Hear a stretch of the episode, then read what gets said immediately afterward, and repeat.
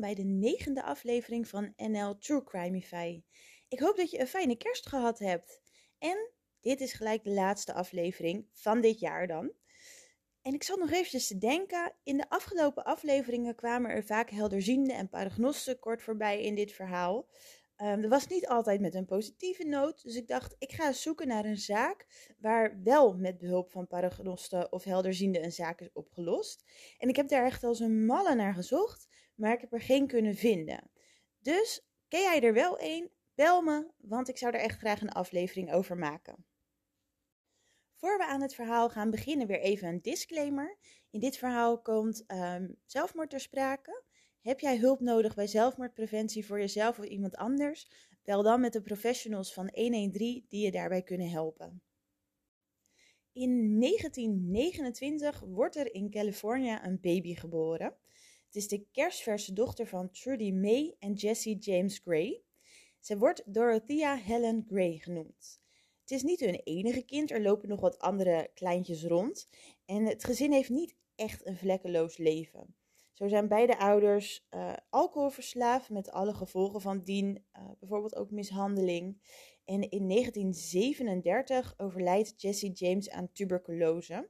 En de moeder heeft niet de voogdij gekregen in haar huidige toestand. Dus de kinderen moeten naar een weeshuis. Nou, een jaar later overlijdt Trudy May ook bij een motorongeluk. En de kinderen, ja, die zitten dus in dat weeshuis. En die stonden al niet echt lekker bekend, maar Dorothea wordt daar geconfronteerd met uh, seksueel misbruik. Het is dan ook niet echt een verrassing dat Dorothea er alles aan doet om zo snel mogelijk weg te komen uit dat weeshuis. En zij trouwt als ze 16 is, dat is in 1945, met soldaat Fred McFall, die net terug is van zijn missie. Als ik het verhaal zo lees, weet ik niet zeker of dit huwelijk per se alleen maar uit liefde is ontstaan. Het zijn volgens mij ook twee mensen die gewoon enorm op zoek zijn naar een nieuwe basis. En toch wordt het huwelijk al in 1946 bezegeld met een klein kindje en in 1948 volgt er een tweede.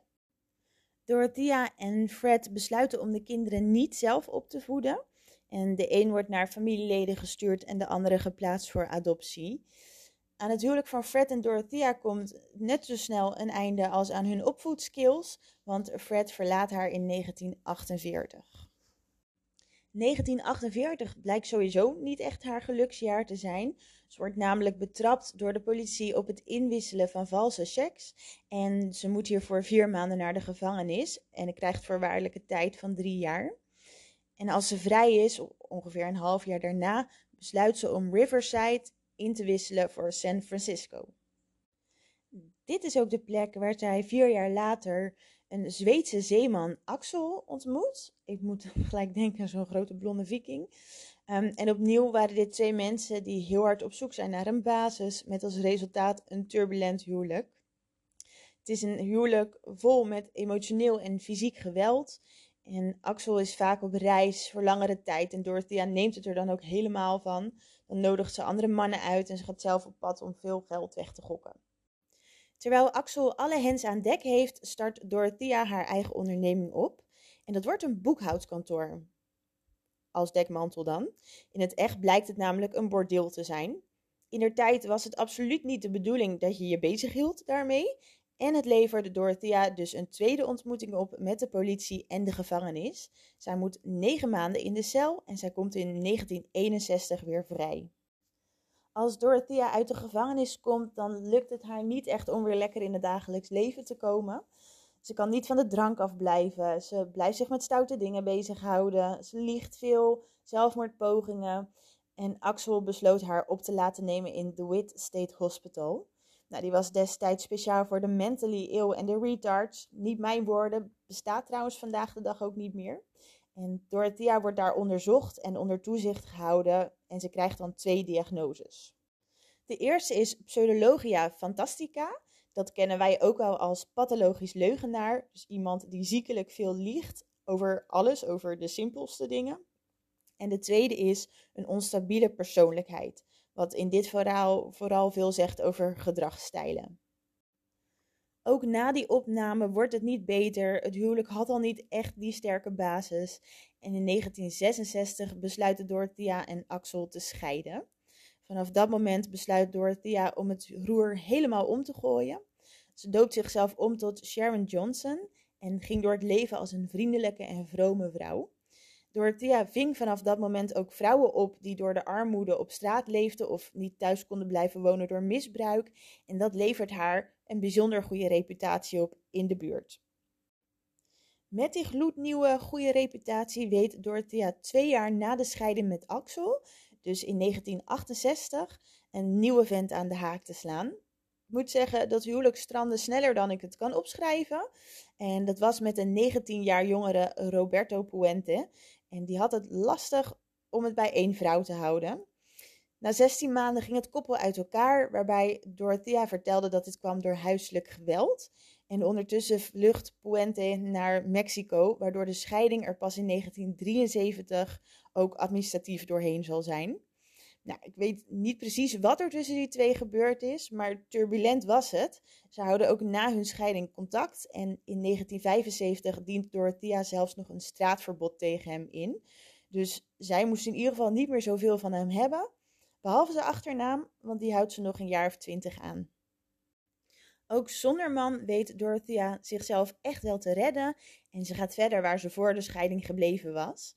Ze opent een pension in Sacramento en daar vangt ze alcoholisten op, dakloze mensen, geestelijk zieke mensen. En ze zorgt voor hen, ze krijgen eten, ze organiseert bijeenkomsten, helpt hen ook met zaken als uitkeringen aanvragen. En alsof dat nog niet druk genoeg was, verhuurt ze in haar pension ook nog regulier wat kamers. Op dat moment verandert ze naast haar naam en haar reputatie ook van uiterlijk. Uh, ze draagt namelijk vintage kleding. Ze heeft zo'n grote glazen bril. En haar grijze haar verft ze ook niet meer. En eigenlijk ontstaat dan het beeld van die hele lieve oude oma van verderop in de straat waar je altijd graag een boodschapje voor wil doen. In Sacramento, waar dus dat pension stond, daar is ook een soort van Spaanse gemeenschap die zich daar had gevestigd. En die hoorde van haar goede daden en haar pension. En ze werd daar als het ware opgenomen in die gemeenschap. En het is ook daar dat ze Pedro Angel Montalvo ontmoet. Ze krijgen een relatie en ze trouwen. Maar een week na hun huwelijk knijpt Pedro ertussenuit, wat het officieel het kortste huwelijk van allemaal maakt. Korter dan dit worden ze ook niet meer in deze aflevering, dat beloof ik. Maar Pedro stond bekend als gewelddadige alcoholist. Dus hoe ze aan deze mannen kwam, dat weet ik ook niet. Maar misschien was het niet een heel groot verlies dat hij niet zo heel lang is gebleven. In 1978 ontmoet Dorothea opnieuw de politie als zij wordt aangeklaagd voor het vals verzilveren van checks. Waar kennen we dat ook nog van? Um, nou, houdt eigenlijk in, um, ze had huurders in haar pension, die hadden van die checkboekjes en die kan je schrijven. En nou ja, als je dan goed genoeg een handtekening vervalst, dan kan je dat illegaal verzilveren. Ze krijgt een proeftijd van vijf jaar en ze moet alle schade terugbetalen. Een vos verliest nog steeds niet snel zijn streken, maar het wordt haar wel snel vergeven, want ze is zo'n lieve vrouw, zo'n lieve oma. Ze helpt al die arme mensen die hulp nodig hebben. En als je zo'n reputatie hebt, dan moet die veroordeling van die checks, dat moet wel gewoon een misverstand zijn. Toch? Nou ja, het is vanaf hier dat de rare zaken beginnen te spelen in het pension van Dorothea. We zitten dan in 1982 en in april van dat jaar begint de 61-jarige Ruth Monroe een kamer te huren op de bovenste verdieping van Dorothea's pension. Op een dag belt Dorothea in paniek de politie dat ze Ruth overleden op haar kamer vindt en de politie komt langs. En Dorothea vertelt de politie dat Ruth erg depressief is omdat haar man terminaal ziek is en snel zou komen te overlijden. Ze wist niet hoe ze dan verder moest, uh, dus dat zelfmoord, nou, ze had het niet aanzien komen, maar ze begrijpt misschien wel waar het vandaan komt. Nou, onderzoek wijst uit dat Ruth is overleden aan een overdosis codeïne, dat is een hoestmiddel en paracetamol. En dit in combinatie met het verhaal van Dorothea. Ja, de politie vindt het eigenlijk ook een soort van logische oorzaak-gevolg. Die vrouw zal gewoon wel heel erg verdrietig geweest zijn. Een paar weken later wordt de politie weer gebeld vanuit het pension van Dorothea. Dit keer niet door haarzelf, maar door een huurder. Hij beschuldigt Dorothea ervan hem te drogeren, maar dat is niet te bewijzen en de rust keert weer terug in het pension. Dorothea kan dus gewoon verder gaan met haar praktijken, zowel die als verzorger als de diefstallen die ze her en der pleegt. Maar in augustus 1982 wordt Dorothea betrapt. Ze wordt beschuldigd van drie diefstallen en ze moet vijf jaar in de gevangenis. Net als in Nederland zijn er in de gevangenis initiatieven waardoor je met gevangenen kunt schrijven. En ook Dorothea maakt daar gebruik van. En op die manier krijgt zij een penvriend. Dat is de 77-jarige Everson Gilmout, een gepensioneerde man uit Oregon.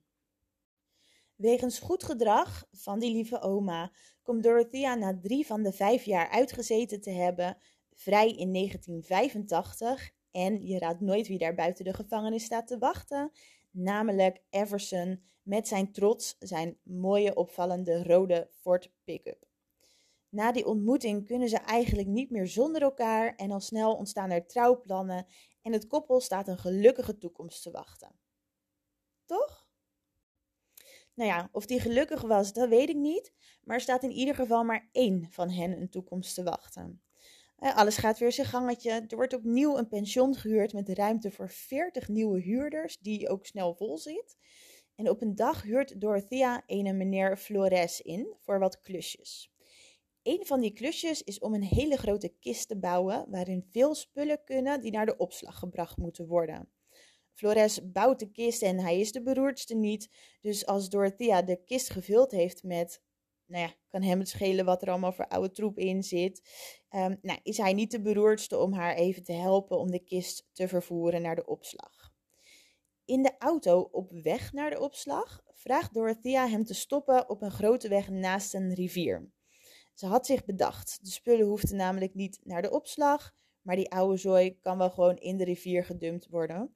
Was trouwens ook op een plek die bekend stond als onofficiële vuilnisbelt, dus Flores, die denkt er weinig raars van. Hij wipt die kist van de auto af en hij brengt Dorothea weer naar huis.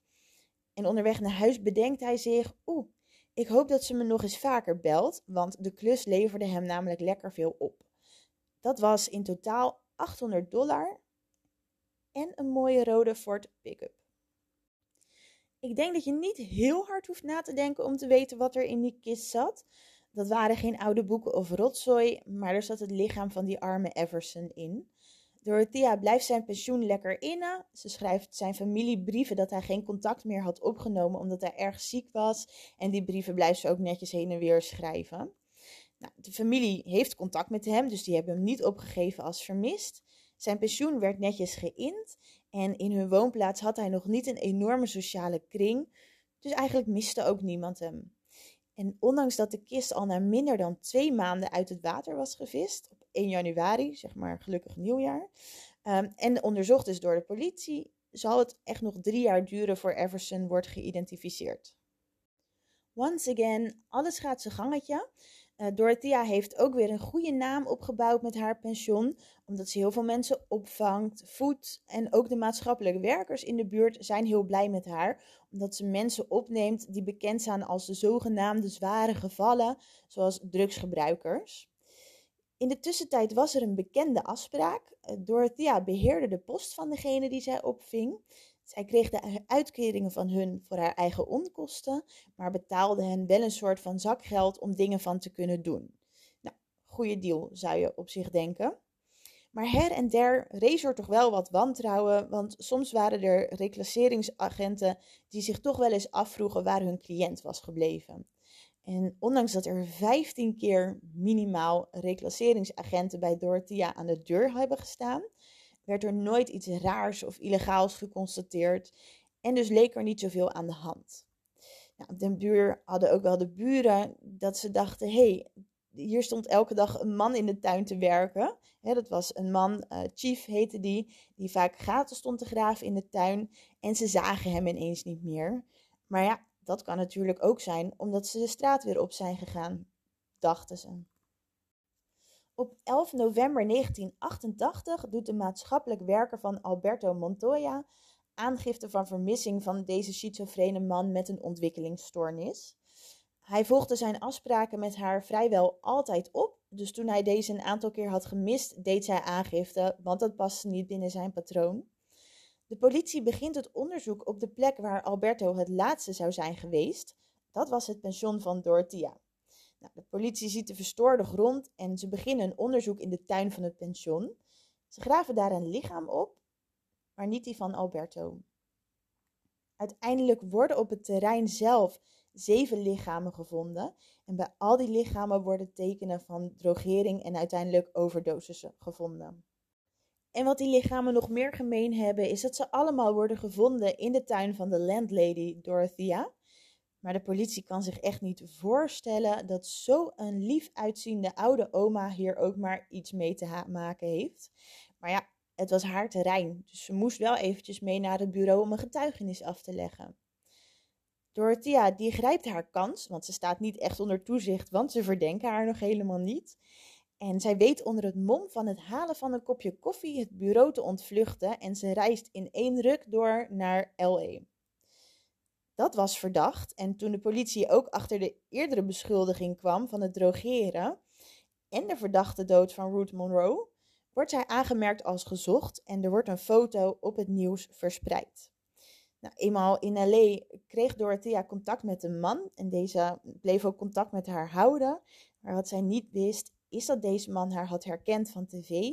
En nou, zij wordt daar dan ook snel door de lokale politie gearresteerd. Het proces van Dorothea start in 1992 en hij duurt maar liefst een jaar. En de aanklager roept niet minder dan 130 getuigen op. Dus niet echt een wonder dat het zo lang duurt. En waar de aanklager het voornamelijk op gooit is: jongens, hou er rekening mee dat de dingen niet altijd zijn zoals ze lijken. En hij doelde daar ongetwijfeld mee op de lieflijk uitziende, goede reputatie houdende, schattige oude dame in de beklaagde bank. En de aanklager pleit voor de doodstraf. De verdediging daarentegen gooit het juist op wat iedereen wel ziet. Een lieflijk oude dame die altijd zorg draagt voor anderen die minder bedeeld zijn, wat het resultaat zou zijn van haar vervelende en gewelddadige jeugd.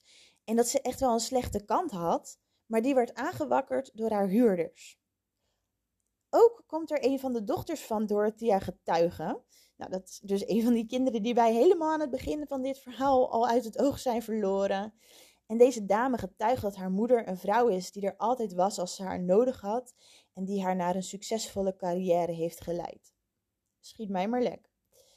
De verdediging pleit voor levenslang zonder de mogelijkheid op vervroegde vrijlating, dus als die doodstraf maar van tafel is. De jury overlegt uiteindelijk meer dan een maand, want er was één iemand die niet instemde met schuldig op alle punten. Elf wel, één niet. Er werd dus een soort van onderlinge deal gesloten waar ook die ene persoon mee kon leven. Dat was schuldig aan twee moorden met voorbedachte raden en één zogenaamde second degree. Wat eigenlijk zoveel zegt als dat het gebeurd is, maar dat het niet de intentie was om iemand te doden. Dat is ook wat de rechter wordt voorgelegd en de uiteindelijke veroordeling is dan levenslang zonder kans op vervroegde vrijlating. Maar Dorothea heeft eigenlijk altijd volgehouden dat haar gasten een natuurlijke dood zijn gestorven. Dorothea komt nog best vaak in de media na haar veroordeling. Het is natuurlijk best een merkwaardige zaak, of eigenlijk beter nog een, een zaak die niemand tot de verbeelding spreekt en toch is gebeurd. Zo komen er wat interviews op tv, in, in wat boekjes en er worden zelfs wat van haar recepten gepubliceerd. Dus zij blijft toch ook nog die reputatie van die oma hebben. Het laatste pension van Dorothea wordt helemaal beroemd. Er worden daar tot op de dag van vandaag nog tours gehouden. Er worden documentaires over gemaakt. Uh, ghost hunters zijn er gekomen nadat er klachten zouden zijn over een verschijning van Dorothea en slachtoffers. En in 2020 komen er nieuwe eigenaren in die het huis kopen en renoveren. Zij zijn hier ook nog in een docu eh, mee verschenen met, met die verbouwing. Dus dit is echt een zaak die nog zelfs vandaag de dag nog nog echt leeft. Ik vind zelf altijd best een rare gewaarwording dat iemand met zoveel op de kerststok dan nog een soort van in de picture wordt gezet. In dit geval uh, nou, door Tia met haar recepten. Ik vind namelijk dat de slachtoffers, en in dit geval de vermeende slachtoffers, degene zijn die in de picture zouden moeten staan. En daarom vind ik het belangrijk om toch nog hun namen genoemd te hebben. Het ging namelijk om de volgende mensen: Ruth Monroe, Everson Gilmout, Dorothy Miller, Benjamin Fink, Leona Carpenter, Alberto Montoya, Betty Palmer, James Gallup en Vera Martin. Na haar veroordeling zit Dorothea nog tot 2011 vast, want in dat jaar sterft zij in de gevangenis als ze 82 is. En daarmee eindigt het verhaal van de Dead House Landlady, zoals ze ook wel eens genoemd wordt. En de dood van deze vrouw, die ook wel eens een van de meeste meedogenloze vrouwelijke moordenaars wordt genoemd, is als je het mij vraagt ook de enige natuurlijke dood in dit verhaal. En dat maakt dat we tegen het eind van deze aflevering aanlopen. Mocht je nou tijdens het oliebollen bakken nog een leuke podcast willen luisteren, dan heb ik een leuke tip voor je. De podcast heet Napleiten en het gaat over een advocaat en journalist die iedere aflevering samen met een gastadvocaat een zaak en het verloop daarvan bespreken. Er zitten ook best wel heel veel bekende zaken bij en los van dat het op juridisch gebied en, en gewoon hè, alles, ook de ervaringen van de advocaten super interessant is, is het ook best gewoon een hele gezellige podcast. Het, het luistert in ieder geval heerlijk weg. En dan rest mij eigenlijk alleen nog om te zeggen: bedankt voor het luisteren. Een fijne jaarafsluiting gewenst en een mooie start van een vers 2022. Tot de volgende in het nieuwe jaar. Doeg!